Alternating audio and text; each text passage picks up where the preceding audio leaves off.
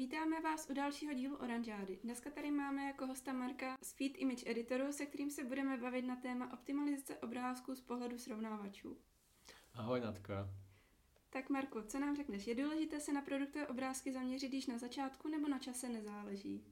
V úplne ideálnom svete na začiatku, pretože by s tým všetci ušetrili strašne veľa času, času a energie, ale realita často býva iná, takže je treba v podstate ako riešiť častokrát uh, tieto chyby za pochodu. Všetci to určite poznajú už z úprav klasických ako klasického XML feedu je už nasadený v podstate v tom zbožáku, sú tam v ňom nejaké chyby a aby sa tam tie produkty dostali, tak je nutné ako urobiť nejaké úpravy.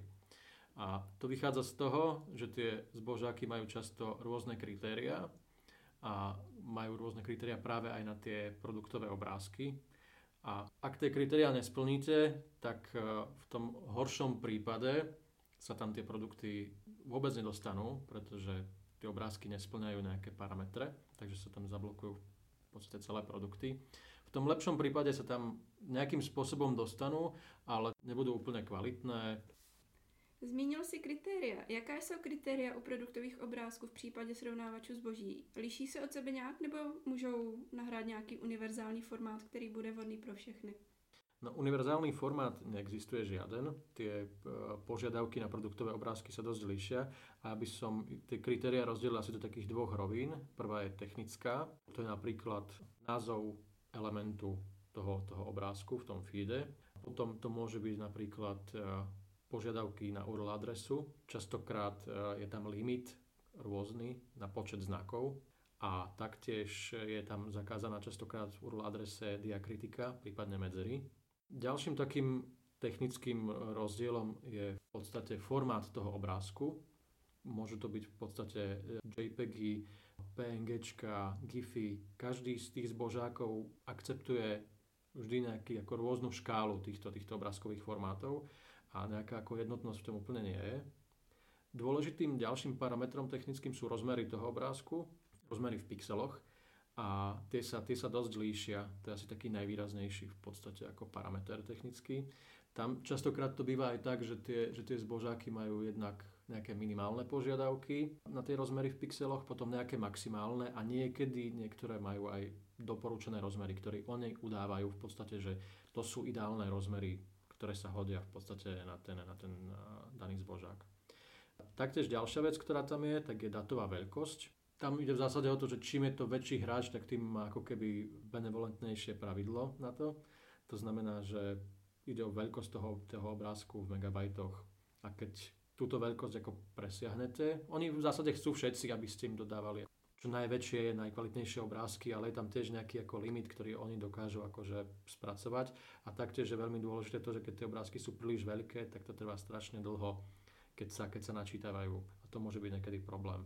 A o tom si povieme ešte ďalej. A to by boli tie technické. A potom sú to ešte obsahové kritériá. A tam do tejto kategórie patrí pozadie. A tu je nutné povedať, že aj keď väčšina tých zbožákov požaduje biele pozadie, tak nie je biela farba ako biela, pretože niekedy určité zbožáky požadujú tú bielu farbu v konkrétnych ako odtieňoch, to znamená, že chcú presný odtieň tej, tej bielej farby. Čo sa týka tých ďalších e, kritérií, tak to môže byť napríklad počet alternatívnych obrázkov. A tam sa tie zbožáky tiež dosť líšia v tom, aký je maximálny počet tých, tých uh, alternatívnych obrázkov, ktoré sú one, oni schopné vám v podstate ako zobraziť k tým, k tým produktom. A taktiež kvalita tých obrázkov, to znamená, že keď im tam dáte nejaké príliš malé obrázky, tak ktoré na náhľadoch vyzerajú síce OK, tak pri zväčšení môžu vyzerať ako rozpixelované a to nie je proste to, čo chcete ako ukázať tým, tým zákazníkom. A veľkým ako takým problémom, a čo sa týka obsahového kritéria tých obrázkov, tak sú vodoznaky, pretože tie sa v niektorých obrázkoch vyskytujú z rôznych ako dôvodov. Buď si tí výrobcovia alebo tí dodávateľia snažia chrániť tie obrázky, aby im to ako nikto neukradol. Ale tie vodoznaky nie sú na väčšine zbožákov povolené, takže nejakým spôsobom vy ich musíte odtiaľ odstrániť a s vodoznakmi sa tam tie obrázky nedostanú. Jaké jsou tři nejčastější chyby u produktových obrázků? Vzpomeneš si na nějaké? Medzi najčastejšie chyby určite patrí to, že tie obrázky nesplňajú buď minimálne alebo maximálne rozmery v pixeloch. Líši sa to dosť uh, od zbožáku k zbožáku, ale stretávame sa s tým, že je to niekedy 5 a niekedy až 60% v podstate akože všetkých obrázkov, ktoré ako nesplňa tieto kritéria. Vo výsledku to potom znamená to, že tie obrázky sa tam ako nedostanú, hej, že zablokujú sa v podstate akože celé, celé produkty. Dosť veľkým problémom býva aj, aj pozadie, tam je to na úrovni v podstate 5 až 50% Častokrát je problémom to, že, že tie obrázky nemajú biele, biele pozadie. Majú ho nejak ako farebné alebo čierne, alebo je to v kontexte ako nejakého, nejakej scény vyfotené a tie zbožaky predsa len ako požadujú to biele pozadie. Ďalej si myslím, že to budú práve chybajúce obrázky a tam je to, tam je to na rozmedzi nejakých 5 až 10 obrázkov chyba vôbec v tom danom e-shope.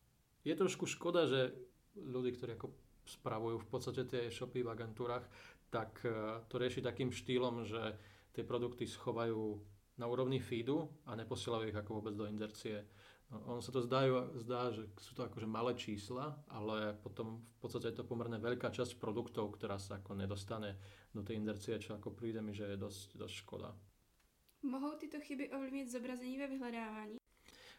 Keď tie obrázky ako nesplnia tie požadované kritéria, tak to znamená, že to zablokuje v podstate ako celé, celé produkty, takže sa tam vôbec akože nedostanú.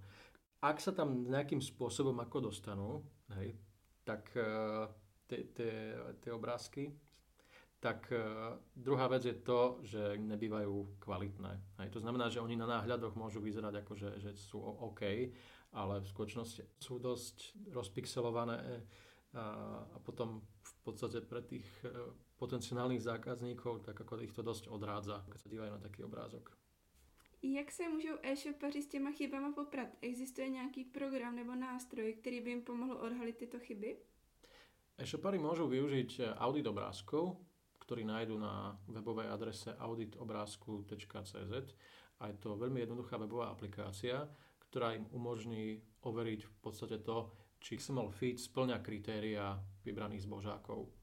A taktiež im v podstate audit odhalí väčšinu spomínaných chyb, o ktorých sme sa tu bavili. V zásade je to veľmi jednoduché, stačí tam vložiť adresu XML feedu, zakliknúť si jeden z 25 zbožákov, alebo kľudne aj viac a, zadať e-mailovú adresu a do 24 hodín dostanú prehľadný report o tom, či splňajú ich produktové obrázky v podstate kritéria daných, daných zbožákov, aké chyby sa v nich nachádzajú. Lenže s tým auditom v podstate je to len diagnostický nástroj, ktorý ako vám vypíše krásne ako report. Ak by ste chceli tie chyby opraviť, respektíve prispôsobiť ich presne podľa kritérií daných zbožákov, tak máme aplikáciu Feed Image Editor, ktorej už ide tieto chyby aj opravovať. Dajú sa tam vyhľadávať podľa EAN kódov chybajúce obrázky, prípadne sa dá presne zmeniť formát a prispôsobiť podľa požiadaviek tých zbožákov. Čo je super je to, že sa to deje hromadne a automatizované, takže nemusíte vôbec ako nič robiť, nič robiť ručne. Jsou tyto nástroje vhodné i pro zahraniční e-shopy? Určite, určite áno. Podstate aj audit obrázkov, aj Feed Image Editor sú dostupné vo viacerých jazykoch. A čo sa týka auditu, tak e, v ňom nájdete okrem ako klasických zbožákov, ktoré poznáte akože z nášho, z nášho československého trhu, tak e, aj viaceré zahraničné zbožáky. Spomeniem polské Allegro, maďarské Aruke Rešo, Myslím, že tam máme ešte nemecký Billiger a taktiež tam Kelku, ktoré funguje v podstate ako vo viacerých ako európskych krajinách. Takže ak sa aj zaujímate v podstate o expanziu do týchto, do týchto krajín, tak je to fajn cesta, ako si overiť, či tie vaše obrázky splňajú kritéria týchto, týchto zbožákov. Takže určite áno. Poslední otázka. Co bys doporučil e-shopařům? E-shoparom by som doporučil, aby tieto chyby riešili ideálne úplne na začiatku. Predtým vôbec, než budú tie feedy nasadzovať do zbožákov, pretože si tak ušetria strašne veľa, veľa starostí. Odporúčil by som im, aby si skúsili audit, pretože je to skutočne ako jednoduchý, jednoduchý nástroj. Taktiež by som im odporúčil v podstate, ak by sa zaujímali viacej o to, ako odstrániť všetky tieto chyby z obrázkov, ako ich prispôsobiť, podľa kritérií zbožákov, tak sa môžu prihlásiť v podstate na naše školenie online, ktoré organizujeme zdarma a myslím si, že najbližšie je 8. dubna. Moc děkujeme, doufáme, že se vám dnešní díl líbil a že jste se dozvěděli něco nového a zajímavého. Možná to využijete. A pokud si nechcete nechat ujít i další díly Oranžády, neváhejte nás sledovat na Spotify a na Soundcloudu.